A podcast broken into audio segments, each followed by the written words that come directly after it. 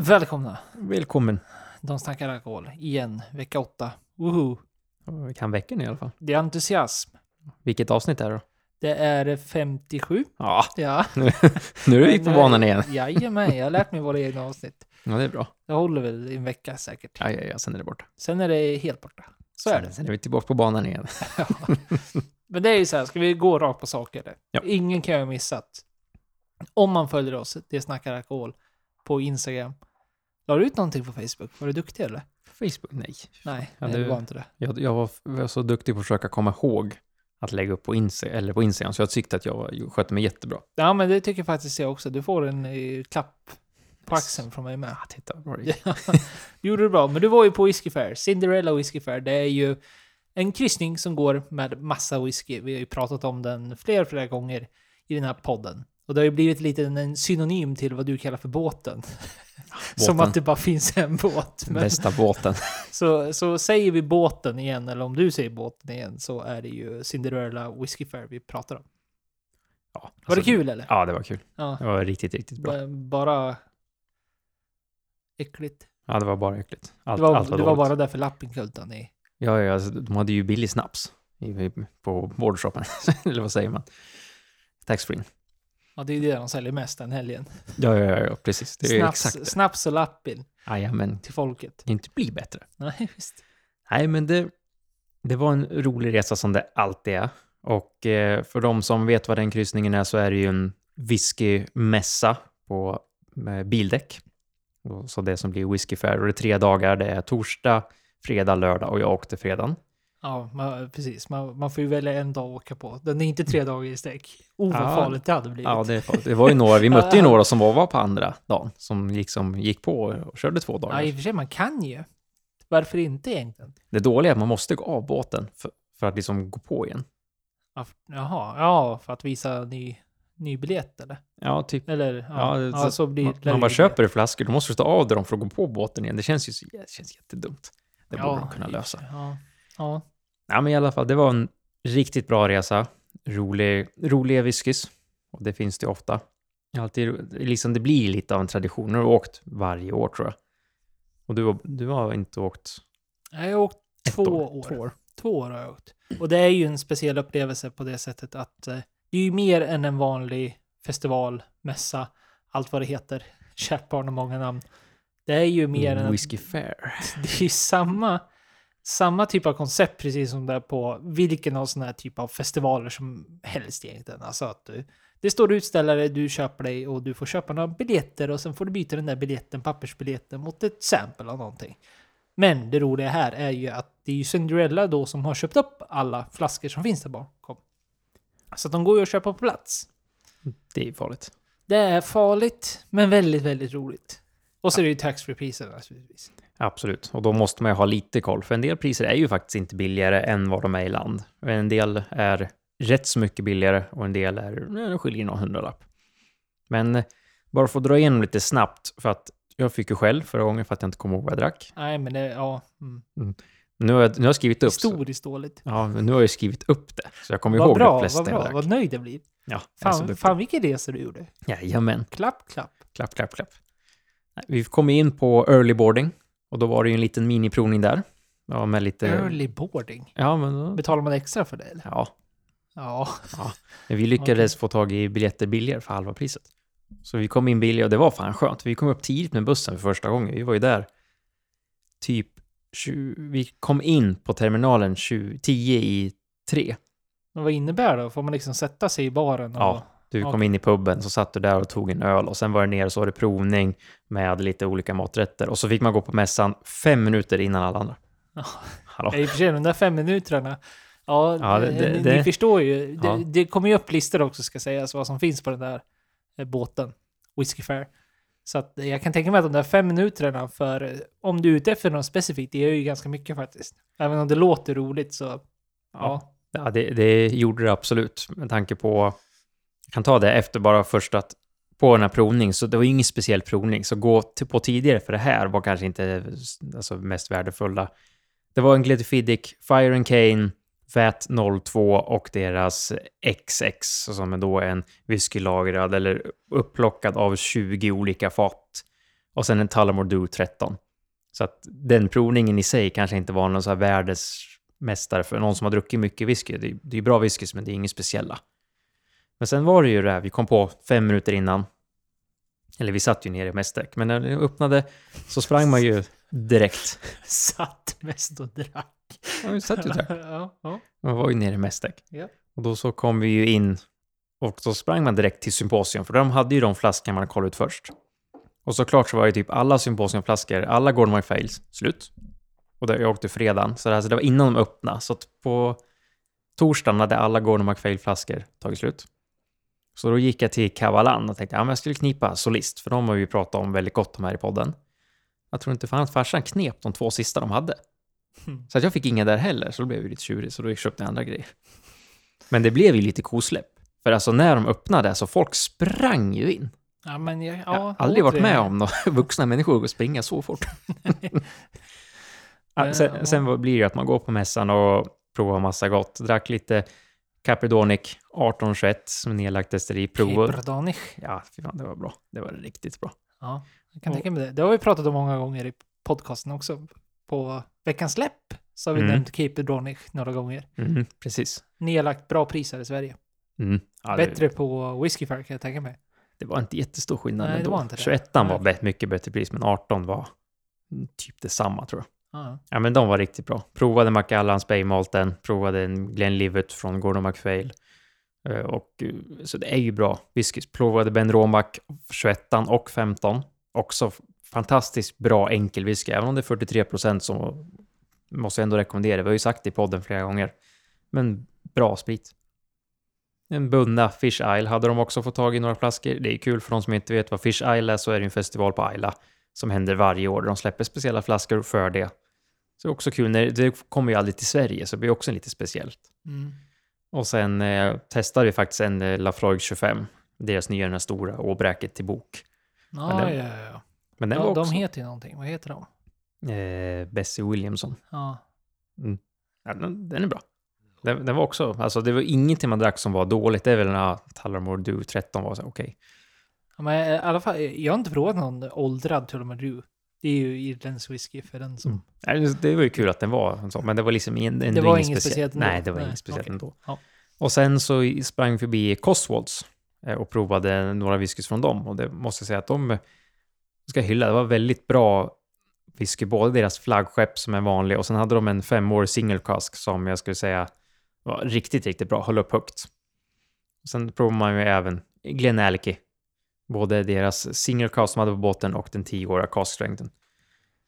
Och det var ju typ dag ett. Sen sprang man ju på dag två och drack lite mer. Då var jag lite duktigare på att lägga ut. Men då provade man några Kavalan, provade Pitwick 30, en Glenkeefe 25. Så måste jag ändå säga var nog den, inte den tråkigaste, men näst tråkigaste whiskyn. Det var ju en 43-procentig len enkel whisky. Väldigt mycket äpple och päron, men så här, Mm. inget speciellt.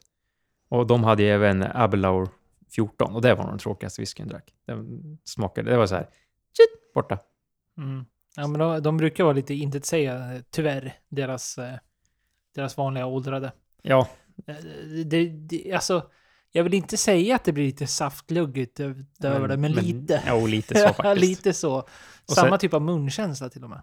Sen måste man ju säga att när man har provat massa äldre och även mer fatstyrka så blir ju de här som är på 40-43 procent, de blir ju rätt tråkiga Mm. eftersom det tar över.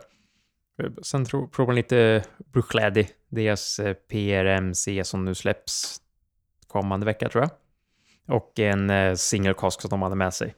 Och Bruichladdie är ju så här, som vi har sagt varenda gång, varför går man inte det är egentligen bara dit och provar allt? För allt kommer vara gott. Ja, Det är så här säkert så kort. Och sen, sen prova jag faktiskt en Glenmorangie 19. För Glenmorangie har ju varit på mässan alla år tror jag. Jag tror aldrig jag har gått dit. Jag har varenda år sagt att jag ska gå och prova någon 18 eller 19 år, för det har jag aldrig provat förut. Och det var gott. Men inget speciellt. Lent, också fint. Bra whisky, men inget, inget som stack ut så. Nej, det, de har ju väldigt eh, speciellt så här. Alltså det är ju väldigt lätt drucket och, och lent och har ju väldigt... De, de är ju kända för att de har eh, destillat som är väldigt konstiga. De går ju högt upp.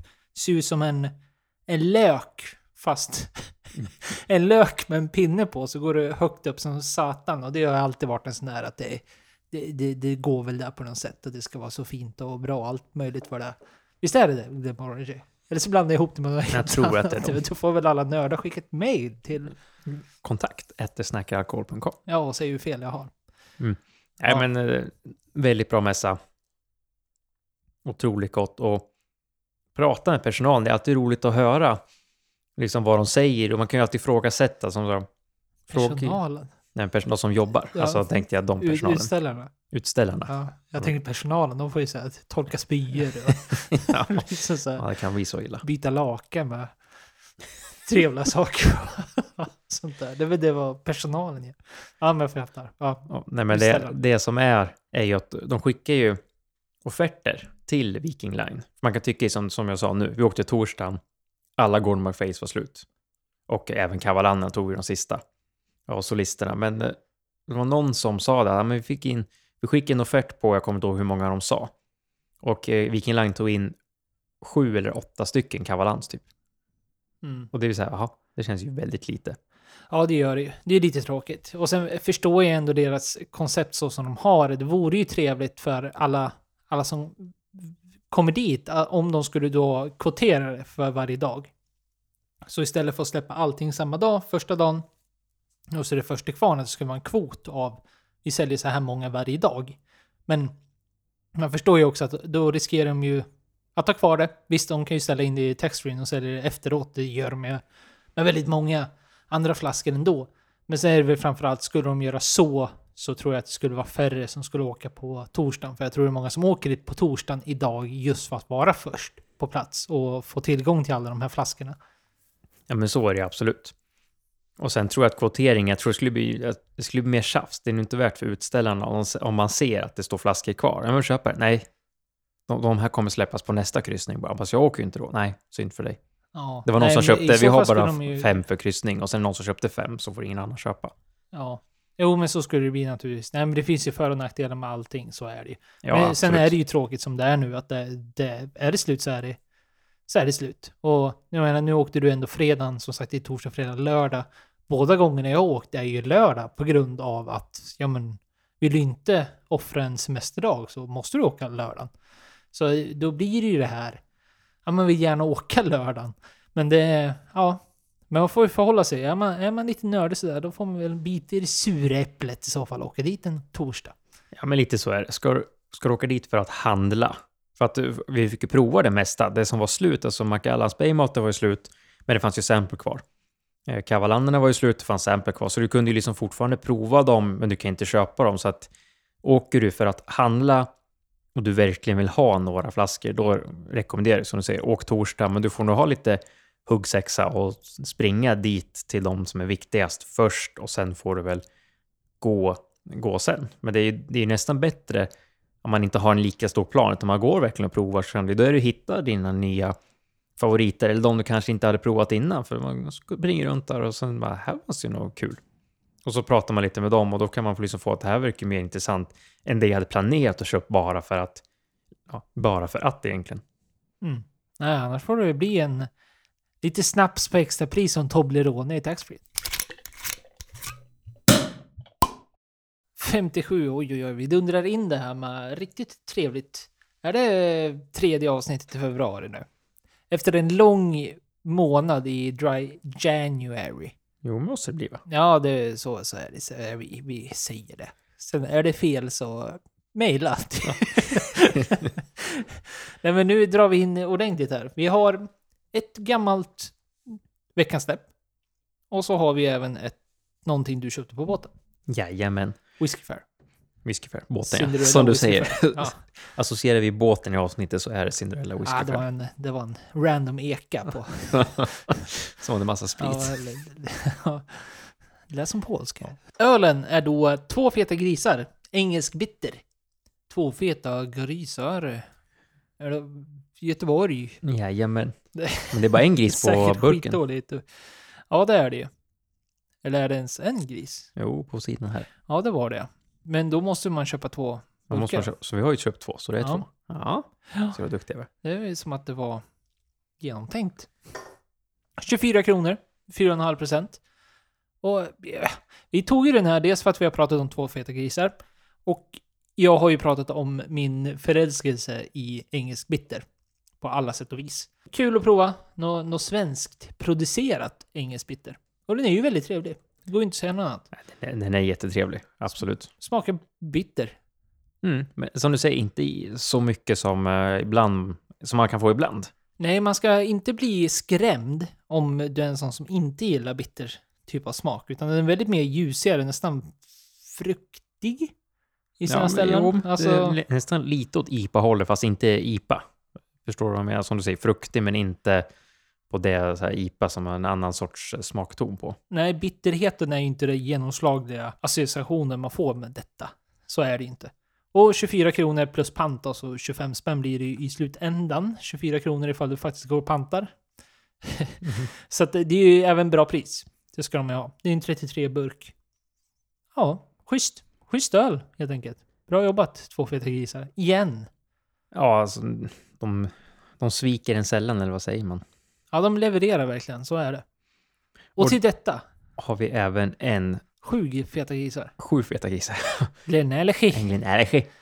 En single cask som eh, då Selected Malts eh, hade med sig på båten eftersom de som importerar Glenellery. Så är det. Och, och den det som här- har jättebra minne så vet ju att vi har, vi har, vi äger en sån här tillsammans sen Mm. tidigare. Mm. Fast en annan, en portkask. Som vi har druckit i podcasten Ja, den är bra. en gång. Väldigt bra. Så det- blev ju lite, man sprang där på båten och du skickade till mig, köp någon god whisky. Och man, man provar mycket och det är ju svårt att bestämma sig när man går där själv, och vilken ska vi ta då? Nu, som jag sa till dig här, i efterhand, ja, man kanske skulle ha tagit typ en Caperdonic 18, för den var också svingod.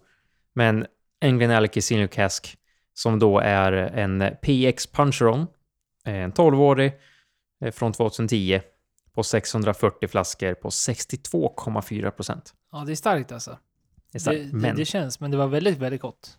det är ju, det, det blev ju så här, det var, här tror jag var den sista jag köpte på båten och då var jag så här, ja men jag går på ett säkert kort. För att vi vet ju, båda vi tycker ju om när det är, det är lite fatstarkt och nu när vi har en hel flaska kan vi ju sitta verkligen och prova den här under flera omgångar. Ja, precis. Det är det jag tänker. Alltså, Man kommer inte med någon typ av eh, dom nu. Väldigt gott, det är den. Men Mm. än så länge så känns det som att den är lite nedtamad. Men eh, jag tror ju absolut att eh, lite experiment med luftning och vattning så kommer vi nog hitta en riktigt bra nivå för den här whiskyn. Ja, det tror jag med absolut. Så att den, här, den här kommer vi säkert kanske nämna senare avsnitt i podden när vi har provat den lite mer och även testa vattna ner. Det var vad vi drack, så skicka gärna på sociala medier. Tagga oss. Eller skicka ett mail ifall du är old school på vad du dricker denna fredag. Och apropå Dry January. Vi ju sluta... Det känns som att vi tjatar lite om Dry January. Det var ju för att Och vi, jag säger vi, på- vi led när vi höll på med det, eller vadå? Ja, ja, led och led. Det var, det var väl bra. Det känns som att det behövdes, faktiskt. Det var trevligt att inte ha någon press heller på. på ett eller annat sätt. Det var faktiskt trevligt. När det var gott vatten, ska det understrykas också. Ja, absolut. Det var Det det. löste sig till slut. det. så är. Men det är lite roligt nu, den första, eller roligt är det väl inte, men det är väl kanske positivt att se effekterna av vad det här har gjort. För man har ju jobbat med det här, som vi sa precis innan, och varför vi hakar på det här tåget, är att det har varit under en lång tid en, liksom, ett bättre ord för propaganda, vad kan vi säga då? Någon typ av, eh, ja men movement då, kanske. Framförallt i Storbritannien, just om Dry January. Att man då, och det innebär ju alltså om du har missat det, att man inte ska dricka under hela januari. Utan man ska vara nykter hela januari. Och det här har vi nu sett att det har fått väldigt, väldigt stora konsekvenser, tyvärr, för barer. Det är som jag sa innan vi skulle prata om det, att det är ju det är inte en kul ny, nyhet. För att det är jättetråkigt att det går återigen sämre för barer och sånt här utöver. Men att det faktiskt är, gör en påverkan att folk väljer att inte dricka på en månad. Sen kan det ju andra aspekter också, kanske att det är den fattigaste månaden på året, att folk Ja, väljer att inte gå ut heller. Det är ju, timingen är ju bra också. Så är Det, det. det är någon som tänkte till på det här. Absolut, och det här är ju någonting som vi ser egentligen överallt, alltså genom hela Europa. Det har vi starka siffror fortfarande i Storbritannien just för att det är där movementet är som mest. Men man ser ju även i Frankrike och eh, stora delar av Europa överlag att det faktiskt har en skillnad. Och sen vet man ju inte riktigt vad det här beror på. Det finns ju olika typer av analyser där ifall man vill prata om inflation eller om man vill prata om, precis som du säger, det är fattighetsmånad, det är ingen som går ut ändå. Och restauranger verkar ju inte haft samma typ av back som en bar, men det är väl inte konstigt heller. Jag menar, en bar är ju ett ställe och där förtär man ju dryck på ett helt annat sätt än vad man gör med en restaurang, så det är inte jättekonstigt. Men det går väl inte att motstå att det, det säkert det största har att göra med att folk har lite pengar i januari, plus att det här momentet faktiskt är en grej. Och det är väl bra. Vi, vi ska ju alltid uppmärksamma att eh, alkohol är ju beroendeframkallande, så att så känner man av att man kanske behöver ta en dry week eller dry month så behöver du inte göra det i januari, utan du kan ju ta det när du själv känner för det. Men januari är en bra månad att faktiskt göra det. Kanske inte nästa år, för då är whisky i januari. Ställer till. Nej men så är det ju. Och framförallt då ifall man väl får det här som ett movement så blir det lättare inom sociala sammanhang också. Ifall du och dina kompisar eller släkter, vänner eller vad det nu kan vara att alla går med på det här och alla kör Dry January, då blir det ju lättare att haka på hela grejen också. Och det är ju själva grundidén med det här momentet. Och det är kul att det ser att det får lite frukt. Förutom Dry January så har vi ju tjatat lite grann om förpackningar, miljökämpar som vi är och så vidare. Så eh, kommer ju nu våra svenska Mackmyra och lanserar mack i en petflaska istället för glas. Och det är väl bra? Ja, absolut. Det är ju jättebra. Det är bättre för miljön. Eh, och sen är det ju blir en skruvkork. Så att, eh, och Mac är ju gjort för att det ska vara en brukswhisky. Så det här är ju helt och hållet åt rätt håll skulle jag säga. För eh, sådana här, såna här sorters whisky. Jag vet inte om jag skulle vilja köpa en finare whisky i plastflaska och skruvkork. På det här sättet som de presenterar den här. Ja, nej, jag vet faktiskt inte. Eh, det är ju så sällan man köper sprit överlag på plast, så jag vet inte riktigt. Jag har väl inte så jättestor skillnad på innehållet egentligen, kan man väl tänka sig. Men det är väl precis som du säger att det, det det är klart det passar jättebra till en brukswhisky. Det skulle kunna vara någonting som flera hakar på. Vi har ju alla möjliga typer av blends där ute, alltså de här klassikerna, jag menar klassikerna, så heter det. Mm. Om man talar korrekt. Framförallt skottarna, så Famous Cruise. Vi pratade om Irländarna förut med Tullamore Jameson.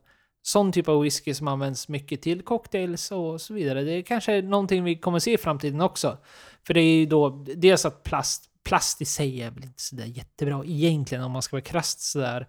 Men eh, vi har ju pratat om tidigare att glas är ju tillkommer med all möjlig typ av problematik. Det blir tyngre, det blir svår logistik och lösa transporter. Det går åt väldigt mycket energi att återvinna. Även om man kan återvinna glas så är det lättare med plast och allt vad det är. Så det är väl framförallt ur miljösynpunkt, men även så tjänar ju säkert Mackmyra pengar på det här i längden. Just så att de kan transportera mer flaskor. Absolut. Och sen är det Eller ju... flaskor blir inte heller, vad fan ska man kalla det här för? Ja. Flask... Nej. Jo, Jo, men, men- du säger ju petflaskor. Det gör man ju faktiskt. Ja. Det är sant, det, blir, det förblir en flaska. Men det är ju även nya lagen som vi tog upp här för inte så länge sedan med att Systembolaget släpper ny lag på vikt på flaskor som de godkänner med tanke på miljöperspektivet så är ju här ett sätt att minska den vikten eftersom de byter ut en glas mot plast. Så att eh, det är ju ett steg åt rätt håll på ett sätt, absolut. Ja, jag tror det är, det är nog dumt om man ska börja tjabbla med det här och tycka att det är, är negativt på något sätt, utan jag ser mer fördelar om inte. Framförallt, allt, återigen vi understryker om man tänker på drycken i sig, så är det en brukswhisky som är gjord, designad för att användas i drinkar, cocktails eller för ja, den här liksom standarda veckan när eh, folk kommer över och sånt där så är det ju perfekt. Vin. Det blir det också- tjatigt? Allting blir tjatigt ändå, men det är Mm. klart vin inte är tjatigt. i sig. Nej, vi, vi måste ju dra in den. Nu har vi pratat om whisky nästan hela avsnittet. Ja, nej men så kan vi inte ha det. Och tyvärr så har vi dåliga nyheter här också. Det är inga nya nyheter. Så har du lyssnat på den här podcasten tidigare avsnitt så kommer det inte vara något nytt överhuvudtaget. Men det blir väl lite av en sammanfattning på hur resterande året ser ut för 2024 just kring vin. Vi har ju redan sagt det som ser ut att komma med att det, det säljs mindre vanliga viner. Folk tänker på innan de handlar, folk dricker min, mindre alkohol överlag och folk köper premium. Allting bråkar ju med varandra, men på ett sätt så går det ju, slutänden blir ju liksom samma sak. Och det bra med det här, den här analysen är ju då tagen från IWSR, Drink Market Analysis, som vi också har använt oss av många gånger i denna podcast. Och varför vi använder dem är ju då att det är evidensbaserad typ av eh, marknadsanalys som eh, dras och liksom finansieras just för att ha koll på dryckesmarknaden. Den utgår, återigen, vi måste säga det här varenda gång, även om det är tjatigt, det utgår från eh, USAs marknad för det mesta. Men så ibland droppar de sådana här där de faktiskt tittar på hela, hela jorden och då använder man alltså då försäljningssiffror och så har de en viss typ av population där ute där de faktiskt tar faktiskt data och skickar ut enkäter och allt vad det är. Så det är ganska det är spännande data att använda sig utav. Och då har de ju då identifierat, vad är det nu då? Sju stycken tunga Headlines. Perspektiv. Ja, Ja, headlines, perspektiv, ja. headlines. Eh, just hur vinet ser ut. Och det ser ju tyvärr dåligt ut. Men om vi börjar, vi dansar förbi de här lite snabbt då. Mm. Helt enkelt. Så får vi liksom summera vinmarknaden 2024 och så lo lovar vi att lämna det åt sidan under några avsnitt i varje fall. Så att inte det här blir jät- jättetråkigt i längden. Men struktur är den första de skriver. Och det är att eh, strukturen ändrar sig på, på hela marknaden egentligen. Att de märker att det, det faller på en del och det höjs på en del och sen är det olika marknader som har ökat medan andra marknader har minskat markant. Och det har vi ju rapporterat om tidigare att då är det framförallt Frankrike och Italien som är de mest sålda vinerna här i Sverige i varje fall. Än så länge är det väl det? Visst är det så? Ja, jag tror det. Ja, det tror jag med. Spanien kanske är uppe där och nafsar lite grann. Men det har ju mycket med The New Wine World och vad allting positivt de gör i Sydafrika, Argentina, Chile, Australien, Nya Zeeland. Folk tittar på andra ställen helt enkelt. Och det här gör ju då, kan man då logiskt tänka, att marknaden går ner i framförallt Italien och Frankrike. Man får tyvärr dra drastiska åtgärder för det här som vi pratade om förra avsnittet, att man behöver riva upp rivranker och plantera något annat. Men det har en stor del till det. Och det här går liksom lite in i nummer två som de pratar om recruitment challenges. Och recruitment i det här är alltså inte då personal som ska jobba på vingårdar eller något sånt där eller hos producenterna. Utan det handlar alltså om att få ett eh, intresse av de yngre generationerna. Och det här går hand i hand på det sättet att det man ser är ju, återigen, vi har rapporterat det här förut, så det blir sammanfattning helt enkelt. Men att eh, de yngre generationerna väljer att prova mycket olika. Så det blir svårt att liksom få den här fasta konsumenten som är kvar och älskar någon typ av druva eller någon typ av region. Utan den nya generationen som kommer är villiga och experimentera och köper vin från alla möjliga typer av ställen. Och det kommer ju till egentligen eh, punkt nummer tre. Som då är att eh, yngre har bättre koll än vad de hade förut. Vilket då gör att de kommer testa mer för att de vill kunna veta vilka regioner och vilka druvor tycker de låter intressanta och så hittar de kanske så, alltså någonting de tycker är mer intressant och så lägger de liksom lite mer pengar där också. Att de väljer att inte köpa det billigaste utan de köper kanske lite dyrare Alltså, vi pratar inte att de går och köper det dyraste som finns, men att de ändå de har koll. De har egentligen koll, bättre koll än vad de hade förr i tiden. Ja, och det är inte så konstigt egentligen om man tänker på den världen vi lever i med mobiltelefoner i fickorna. Hittar du någonting som du verkligen tycker om, du kan bara scanna en neonkod på flaskan och sen får du upp vilken region det kommer ifrån. Så kan du läsa på om druvorna och olika typer av vintages och sånt där. Så det är, det är egentligen inte så konstigt att kunskapen har ökat i takt med samtiden. Att det är därför de då slår de äldre generationerna som börjar dö ut lite grann just med Ja, bokstavligt talat. Det är ju hemskt att säga, men det, det går väl inte att motsäga er i och för sig då. Men just det här användandet av eh, appar och eh, det man har framför sig. Men sen ska även tilläggas att det är lite intressant att just konceptet över hur mycket folk tror de vet om vin och vad de faktiskt vet, den definierar ganska mycket och det är bara så här roligt insläng att slänga in det. När de väl har tittat på de här siffrorna. Absolut, så är det ju. Man, man läser en app eller ser på en YouTube-video som tror man att man är expert. Så är det ju, tror jag, i många fall faktiskt. Eller man gick på en, en vinprovning, sen är man experten och vet. Ja, så, man sak... slänger sig med det för mycket, så är det. Och det är Absolut. därför vi är noga med den här podcasten säger att vi är entusiaster. Vi är absolut inga experter, för fasiken vad folk kan där ute. Ja, Absolut. Men en sak som kom på intresset som bara slog mig nu när vi pratar om det här, det är ju skulle vara fascinerande att resa typ framåt 10-15 år i tiden och se vad de yngre generationerna som kanske har börjat samla på sig vin nu. Nu kanske vi pratar liksom inte någon som är Eh, 20 år, utan kanske är 25-30 år. Som, alltså vad har de i sin vinkällare? Med tanke på att eh, de yngre är bättre på att experimentera. Att, vi vet ju som du säger, de här äldre som hemskt att säga blir äldre och kanske går bort. Deras vinkällare är ju fullt av massa fina bourgogner, champagne och bordeaux, kanske några astolena och sånt där.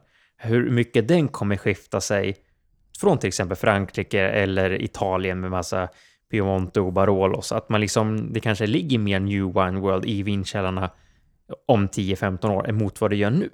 Det tror jag säkert. Det, det, tror jag nog. Och det är väl det som gör det lite kul. Och ja, de här siffrorna vi tittar på understryker det också. Så det kommer nog vara intressant att se vad folk har där framme. Och vad de här... Det kanske kommer dyka upp nya sådana här klassiker som man vill lägga på och eh, lagra. Och då är det kanske några som har varit med i matchen och lagt på sådana när liksom the new one world blir mer och mer känt eller mer etablerat helt enkelt. För det är ju väldigt många av de producenterna som är nya. Och nya, de pratar inte jättenytt. Det finns ju de också, men så här, ja men 70-80-tal. Vilket då är ju ganska modernt om man tänker på det stora hela. Absolut. Och sen är det ju som vi har pratat om med att den yngre generationen har bättre koll. Eh, vilket då gör att de inte lägger lika mycket pengar på eh, billig, billigt vin. Att de faktiskt kollar upp, de har bättre koll och så lägger de hellre, som vi brukar säga i Sverige, lägg en hundralapp, 200, 200 kronor mer än vad du egentligen skulle göra så får du ett lite bättre vin. Det är egentligen det där utgår ifrån också, att de billigare säljs inte lika ofta till de här som har koll.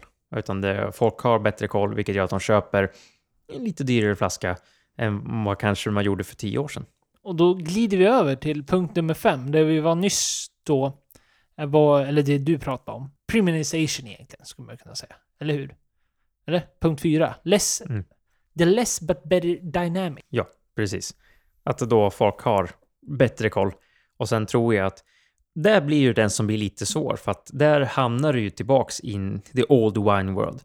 Folk handlar mer champagne och kanske finare bordeauxer och bourgogne och eh, Barolos för att de vet att de är bättre. Men det gör väl även att du börjar glida över på lite finare Cremans och Cava och även New, World, New Wine Worlds viner också.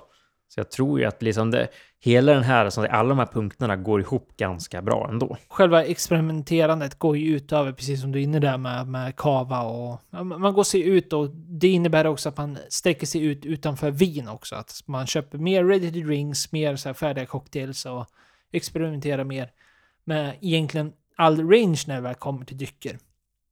Och det är väl också en stor del utav det att det liksom, man köper inte lika mycket rent, rent mängdmässigt längre. Men så har vi även en punkt som vi inte kommer att dvälla i jättelänge för vi har haft långa avsnitt om det här och det är ju just det här hur man ser att eh, lägre alkohol eller alkoholfritt börjar bli mer och mer populärt. Och då är det framförallt låg alkohol. Och det här går ju hand i hand mycket med också med experimenterandet. Det är ju populärt med naturviner och sånt där. Och vissa gillar ju att skämta om själva den typen. Med och sådär mycket memes ute på internet och sånt där just om naturvin. Men eh, det fångar ju å andra sidan ett eh, stort intresse där ute bland folk och naturvin tenderar ju ofta att vara svagare. Framförallt när det är ekologiskt och, och så vidare. Så det fyller väl in i den kvoten också. Och att yngre människor inte är intresserade av alkohol på samma festande sätt. Så att de ser inte en alkoholprocent som någonting lockande. Som en fan av Båga 10-2 gör. Utan snarare tvärtom, att man, man väljer hellre lite lägre alkoholprocent i det. Men vi ska ta vidare till onlineförsäljning som går neråt. Så om man tar i stora hela, här måste man gå utanför viner och ser att andra kategorier inom alkohol och även alkoholfritt växer, som säger ready to drinks, Eh, folk har börjat handla kanske whisky eller köpt mer premiumöl och sånt där. Att man liksom väljer bort någonting för att handla det andra. Eh, och eh, onlinehandeln har ju ökat enormt på senare tid, så det kan man ju absolut förstå med de här siffrorna. Ja, och det är ju precis det du är inne på där, att det gör ju att man när man väl beställer så beställer man mycket annat samtidigt för att du också har en onlineaffär eh, ser vi inte jätteofta här i Sverige. Eller vi har ju våra systembolag som vi har, även om det går att beställa mm, liksom inifrån från onlinehandlare. Men det är ju just det att man, man har hela... Man, man kan klicka i en låda öl och sen klickar du i en låda vin och sen kan du klicka i, ja men sådär, att du liksom köper upp det i stort utbud. Men så har vi den stora till sist. Och det är ju då klimatförändringarna. Och då pratar vi inte om klimatförändringar på ett sätt som man kanske mer associerar till miljön, alltså att man ska vara klimatsmartare och vara mer observant om hur vi utnyttjar vår natur. Utan det här handlar ju mer om de här katastroferna vi har sett de här senaste åren. Att det har varit många skogsbränder, framförallt i Chile. Vi såg i Grekland förra sommaren. Italien hade väl också Ja, lite. tillsammans med USA. all torka. Ja. Så det är vildbränder onormalt mycket, mycket bränns ner eller blir skadad av röken. Vi ser torkor, torker och det, ja, det blir allmänt bara dåligt av det hela. Det är ju de här extrema väderförhållanden egentligen som man ser också för att förutom bränder och torka och sådär så är det ju även att det kommer tidiga frostnätter som då också förstör eller att det regnar i en månadssträck så allting blir fuktigt och börjar mögla. Så det är ju det är inte bara en aspekt, utan det är flera aspekter som då har påvisats med klimatförändringar att det är så här det ser ut, vilket gör att många vin, vingårdar väljer att plantera andra druvor som är mer anpassade för det nya klimatet. Du kan även plantera druvor som du tidigare inte kunnat plantera i områden som nu går. Till exempel England som då har fått upp ganska bra mousserande viner som de inte kunde ha fått för några år sedan. Och allt det här, som ni förstår, är ju... Allting går ihop med varandra på ett eller annat sätt och det är väldigt många faktorer och väldigt många olika faktorer som gör att vinet fortsätter att dyka ner och det ser inte ut att vara något positivt för 2024. Tyvärr, så och man vet ju aldrig, liksom när, vi har de här konstiga väderförhållandena och eh, att det är drastiska skillnader på marknaden vad folk väljer att konsumera och inte. Så att är du en vinfantast och du har dina favoriter så gör din egna lilla analys där att kan det här vara drabba ditt område på ett eller annat sätt på ditt favoritvin? Som, om inte så passa på att njuta medan du kan för att det är väldigt många faktorer och det ser ut att kunna påverka vem som helst mer eller mindre. Och vi har ju också en liten speciell nyhet där. För att det är ju, man tänker att det är många här som påstår att eh, Systembolaget borde ha kylda varor. Och det har de på vissa ställen. Ölstudion i Göteborg, ett sånt exempel där de har specialöl som står i kylar. Men det här är någonting som är mer vanligare utomlands. Och nu är det ett litet ramaskri i USA som är en rolig liten parentes att dra upp. Då kanske man, ni kanske skiter fullständigt i vad som händer i USA i dryckesvägar. Men ja, folk åker ju till USA, så det kanske är intressant. Men där är det liv om i många delstater. Det är väl egentligen det här som har satt igång det. Och det är alltså i Tennessee. Där man då diskuterar om att man ska förbjuda kyld öl. Och det verkar som att det är många andra delstater som hakar på detta. Och vi, som sagt, vi diskuterar det här. Alltså inte ska gå in och köpa en öl kall och du ska kunna knäppa den direkt. Liksom. Att du, du höjer ju din förväntningar, vad ska man säga för ord? Du, du liksom, det är ju stor, större sannolikhet att man går in, köper en kall öl och knäpper den direkt när du kommer ut om den är kall, än att du köper den, går hem och lägger den på kylning. Det är väl lite det det egentligen speglar sig i, och det är det som eh, våra, vår riksdag mycket kör på, att det ska inte vara liksom du ska inte ha det här suget att öppna ölen direkt efter Systembolaget. Eh, för om, de har, om du säger att du har din Falcon eller Mariestad eller något sånt där kall så kom, då det finns större sannolikhet, tycker de, att du skulle öppna den direkt när du går ut. Vilket jag inte riktigt håller med om, jag förstår tankesättet. Och då, det som är lite fascinerande med det här är ju, här går du från ett ställe där du har kyld öl till att ta bort det. Jag tror att det är större ramasskriveri än om man skulle ta varm öl och lägga in i kylen.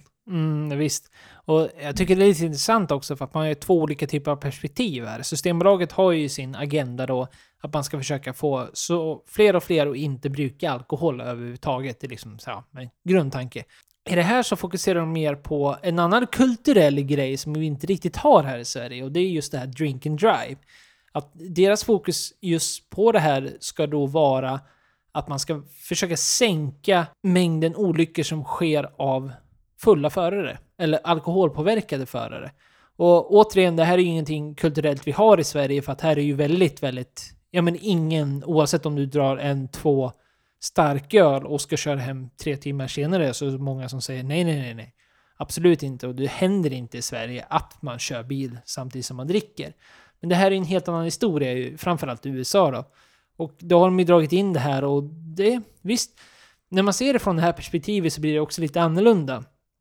För då blir det mer här, ja men du kanske sitter hemma en fredagkväll, du har en sexpack öl, du drar i dig fyra och sen ska det komma över polare.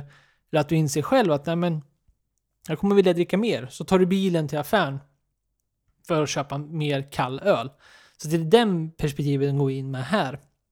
Men det är absolut som du säger, det är spännande att man vill ta bort det. Och jag tror ju, jag menar, när vi pratade om det, diskuterade det här förut så sa jag det också att jag menar, personligen så är inte det här någonting som... Argumentet om att vi skulle ha kyla på Systembolaget, det är ingenting jag personligen bryr mig om överhuvudtaget. För att man är inte sån typ av konsument, utan man går ju och köper och sen kan jag ställa i min egna kyl om jag vill ha kall öl. Så att det, jag ser inte som ett problem. Så, vilket gör det ju också, och det bör nämnas också för att det här är ju också ett väldigt ämne som kanske är svårt att se. För jag menar objektivt sett så är det ju inte går inte att säga något annat än att det är positivt att inte ha kall öl, att all öl är varm, för att man ser bara de här negativa effekterna kall öl skulle kunna påverka och öka en viss typ av konsumtion.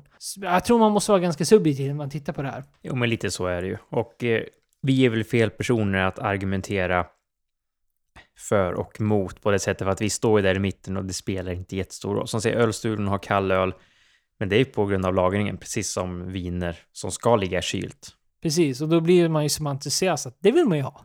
Ja, ja precis. precis. Du vill, den du vill ju inte... Den specifika anledningen. För, för kollar man till exempel på alltså USA, där man kan gå in på många affärer där de säger att de har kyld öl, men sen har de eh, whisky, eller vin då speciellt, det är vin är nästan bättre så. Du har, du har en eh, Dom Perignon eller kristall, den står högst upp vid ditt eh, lysrör som står och brassar ut värme.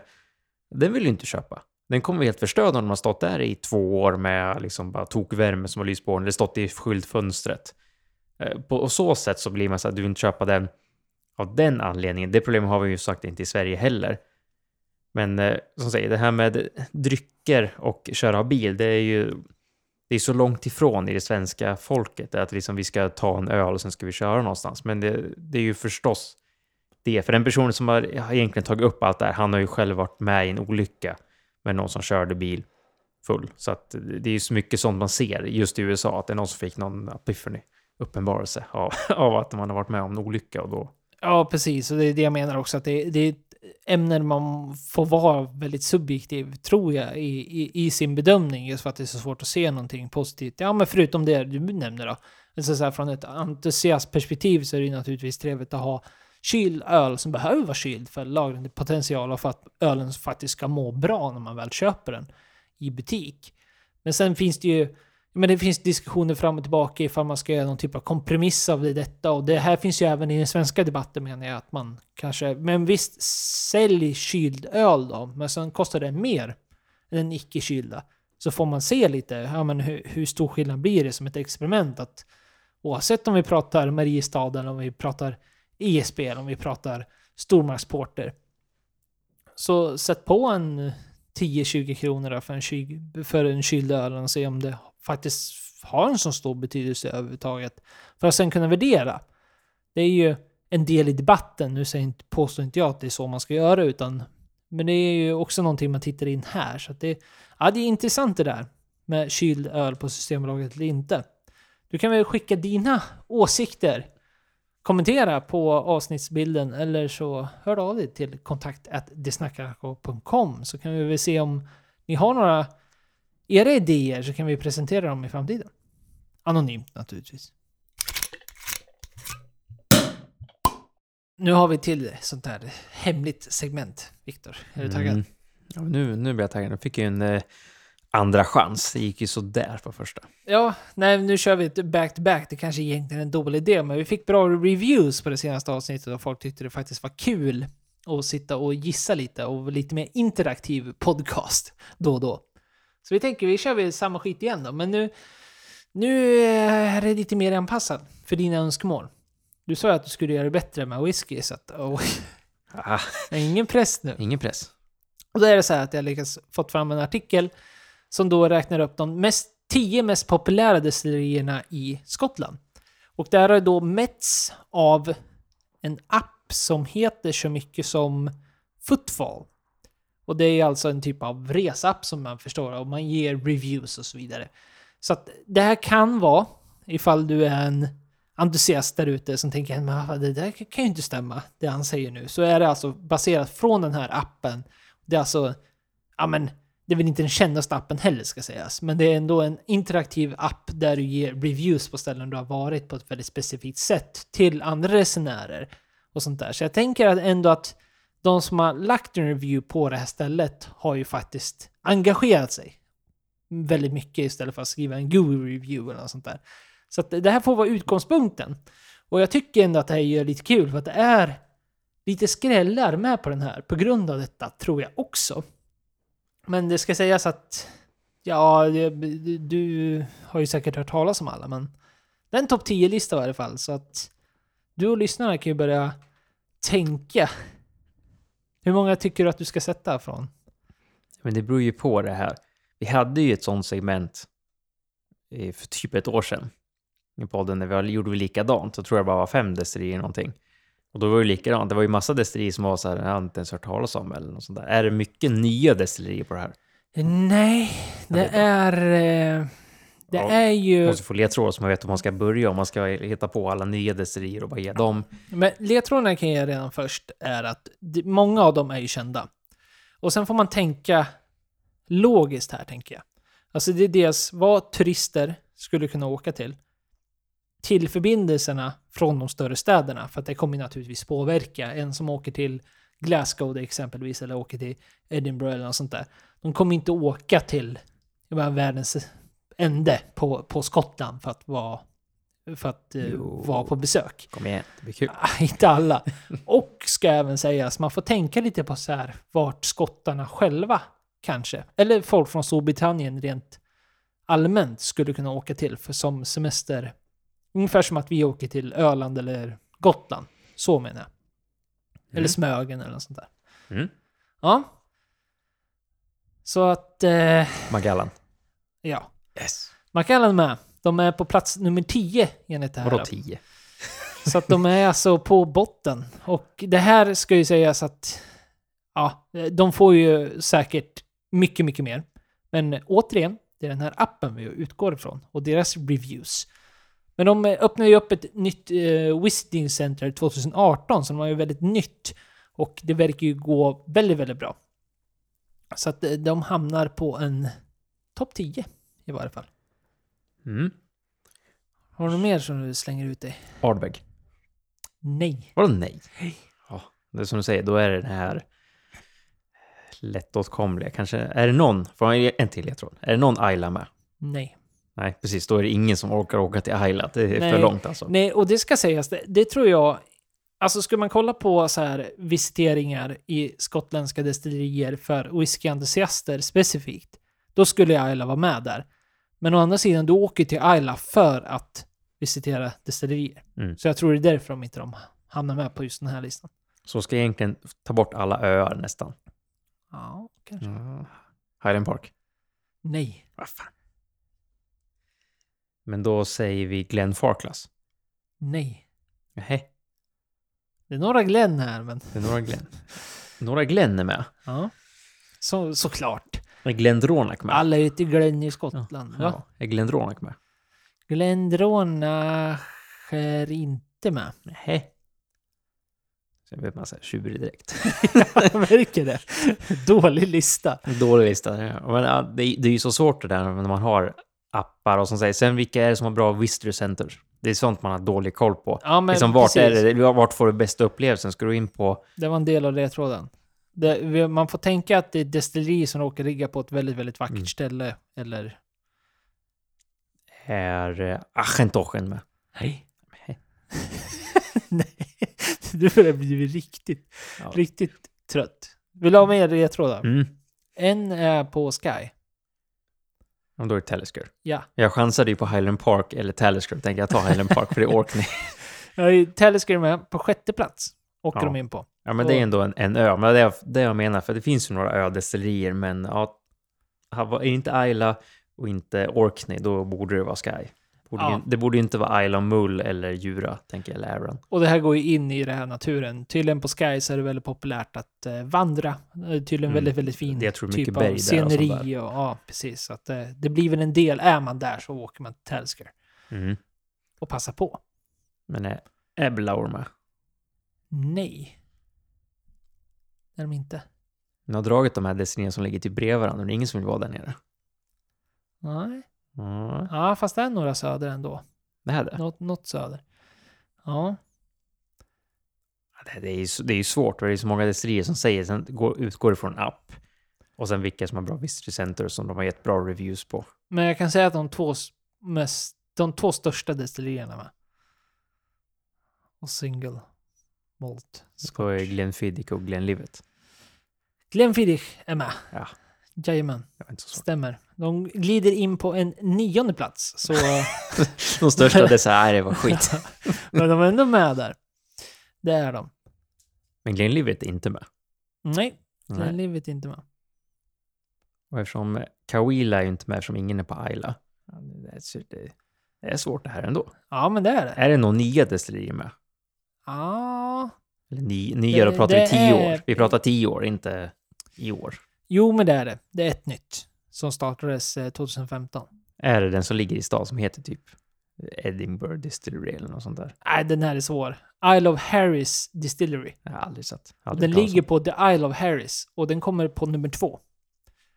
Och nu är det, nu är det några nördar som har varit och åkt. Ja, men det här ska vara en helt fantastisk ö. Alltså det, det ser också helt fantastiskt ut. Så att eh, därför kommer de in på nummer två. Återigen, det är en curveball med den här. Det var ju meningen också. Det skulle inte Mm. vara för enkelt. Nej, Topp precis. 10, top Topp- 10 topp 10 på vanlig enligt, lista, eh, det hade du tagit. Ja, topp 10 på liksom så mest besökta så hade det gått ganska fort tror jag ändå. Det är bara att räkna alla stora. Ja, men en fact check då. Skottlands äldsta destilleri är med på listan. Det finns ju några. Jag kommer inte ihåg vilka som är äldsta. Nej. Det är nog, det är nog 1700-tals destilleri.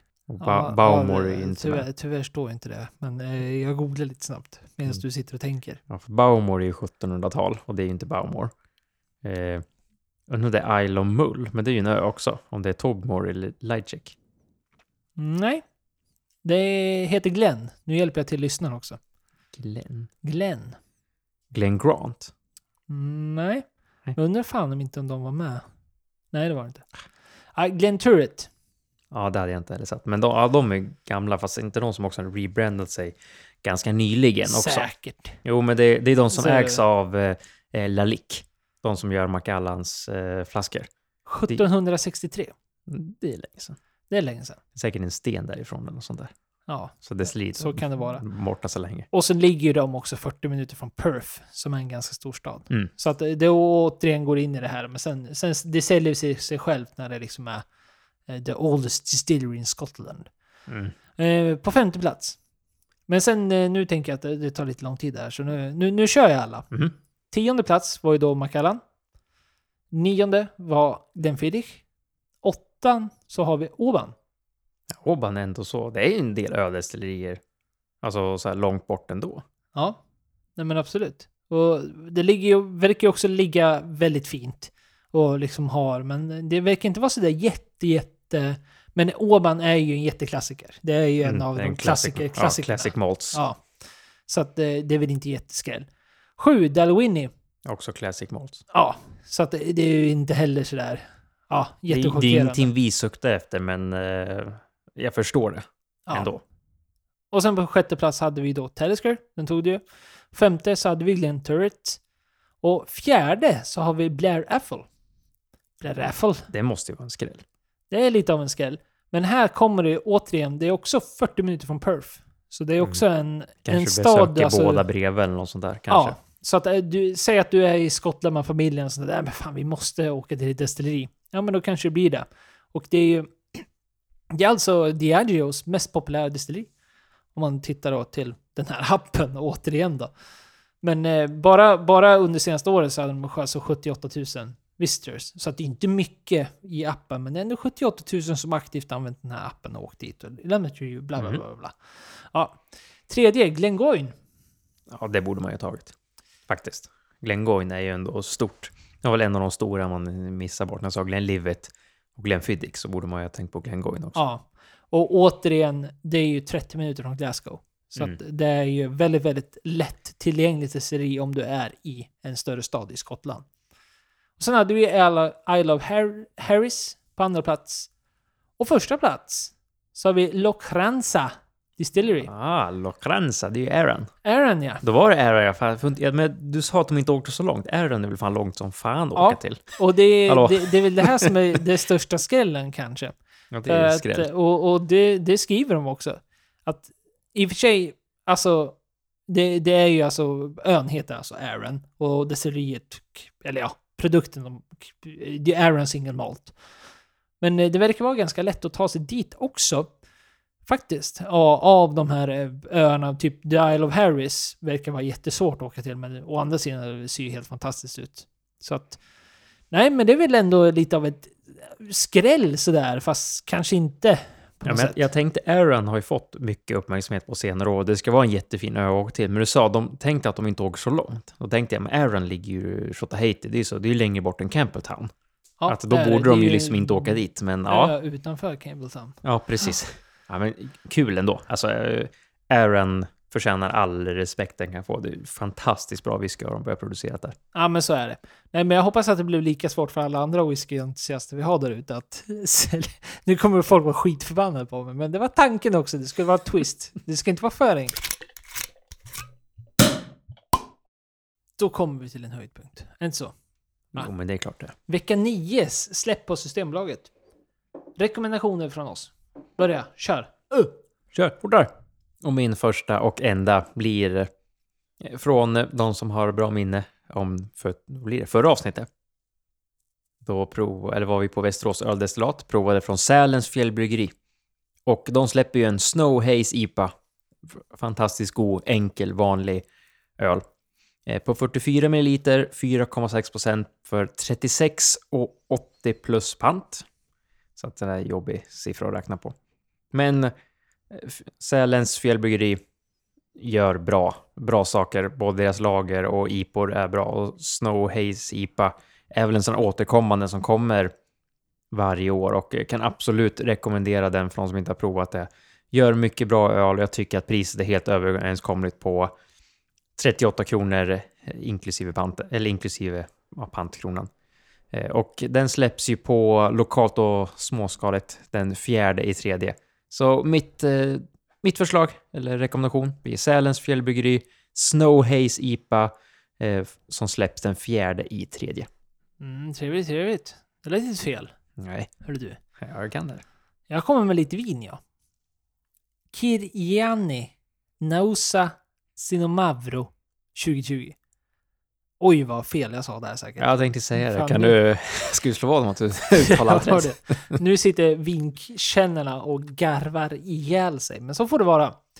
Det släpps i varje fall den första i tredje. 180 kronor. Och det vi pratar om här är alltså grekiskt vin. Och Kir Gianni, Kir Dash Gianni är då producenten. Och sen Nausa Sinomavro. Nausa är ett område och Sinomavro är druvan. Och det här är ju ett av de mest populära och mest hyllade druvorna av eh, Greklands vin.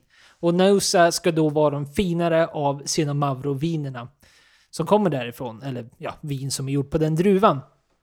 Och det här är ju ett väldigt hyllat vin av eh, många experter där ute. Och det ska ju påminna väldigt, väldigt mycket om Nebbiolo, som vi har pratat om mycket, och Pinot Noir. Och har ju då väldigt mycket strävhet, mycket tanniner, men även väldigt, väldigt friska, trevliga smaker. Så att det här är ett väldigt trevligt vin för dig som verkligen älskar Pinot Noir eller Barolo, Barbaresco, något Nebbiolo-vin och vi provar på billigare. För den här druvan är väldigt, väldigt lätt och trivs väldigt, väldigt bra i Grekland. Så att det gör att man pressar ner priserna ganska rejält när det väl kommer till slutprodukten. Det är ett druvor som liksom, ja, är som gjorda handen i handsken för miljön i Grekland. Och det gör det ju väldigt trevligt för entusiaster runt om. Så har du inte provat så kan jag verkligen rekommendera att köpa denna. 180 kronor, väldigt bra pris för ett väldigt högklassigt vin som då kommer från det bästa området i Grekland som har att erbjuda just denna druva. Kir Gianni Neusa Sinomavro 2020 180 kronor, säljstart den första i tredje. Det var det, tack för oss. Hej och hå. Du drog iväg det här avsnittet. Ja, men det blev, det blev ett längre, men eh, vi får väl se Vi får se hur, hur länge det blir. hur länge det blir i slutändan. ja. Nej, men det, det, det märker vi på editeringskontoret sen. Men vi vill återigen tacka för att du tog din tid. Och tack för att ni hör av er. Och eh, gillar oss på sociala medier, Facebook och Instagram. Det blir väl, i all ärlighetens namn är det ju mest Instagram vi hänger på, om man får säga så. Ja, så kom dit och häng med oss. Du kan alltid skicka ett mail till kontakt.dsnackarna.com ifall du har en fråga. Eller om du vill ställa en fråga. Ja, ställa en Om du har en fråga eller vill ställa en fråga. Nej, men ifall du har något annat att säga. Det kan vara ett påstående eller en konstatering, ett klagomål eller vad det kan vara. Så kan du även skriva till oss på sociala medier, eh, där vi heter Det snackar alkohol. Snabbt och enkelt. Och med det så säger vi tack för denna vecka och lyssna gott nu. Och lyssna otroligt gott.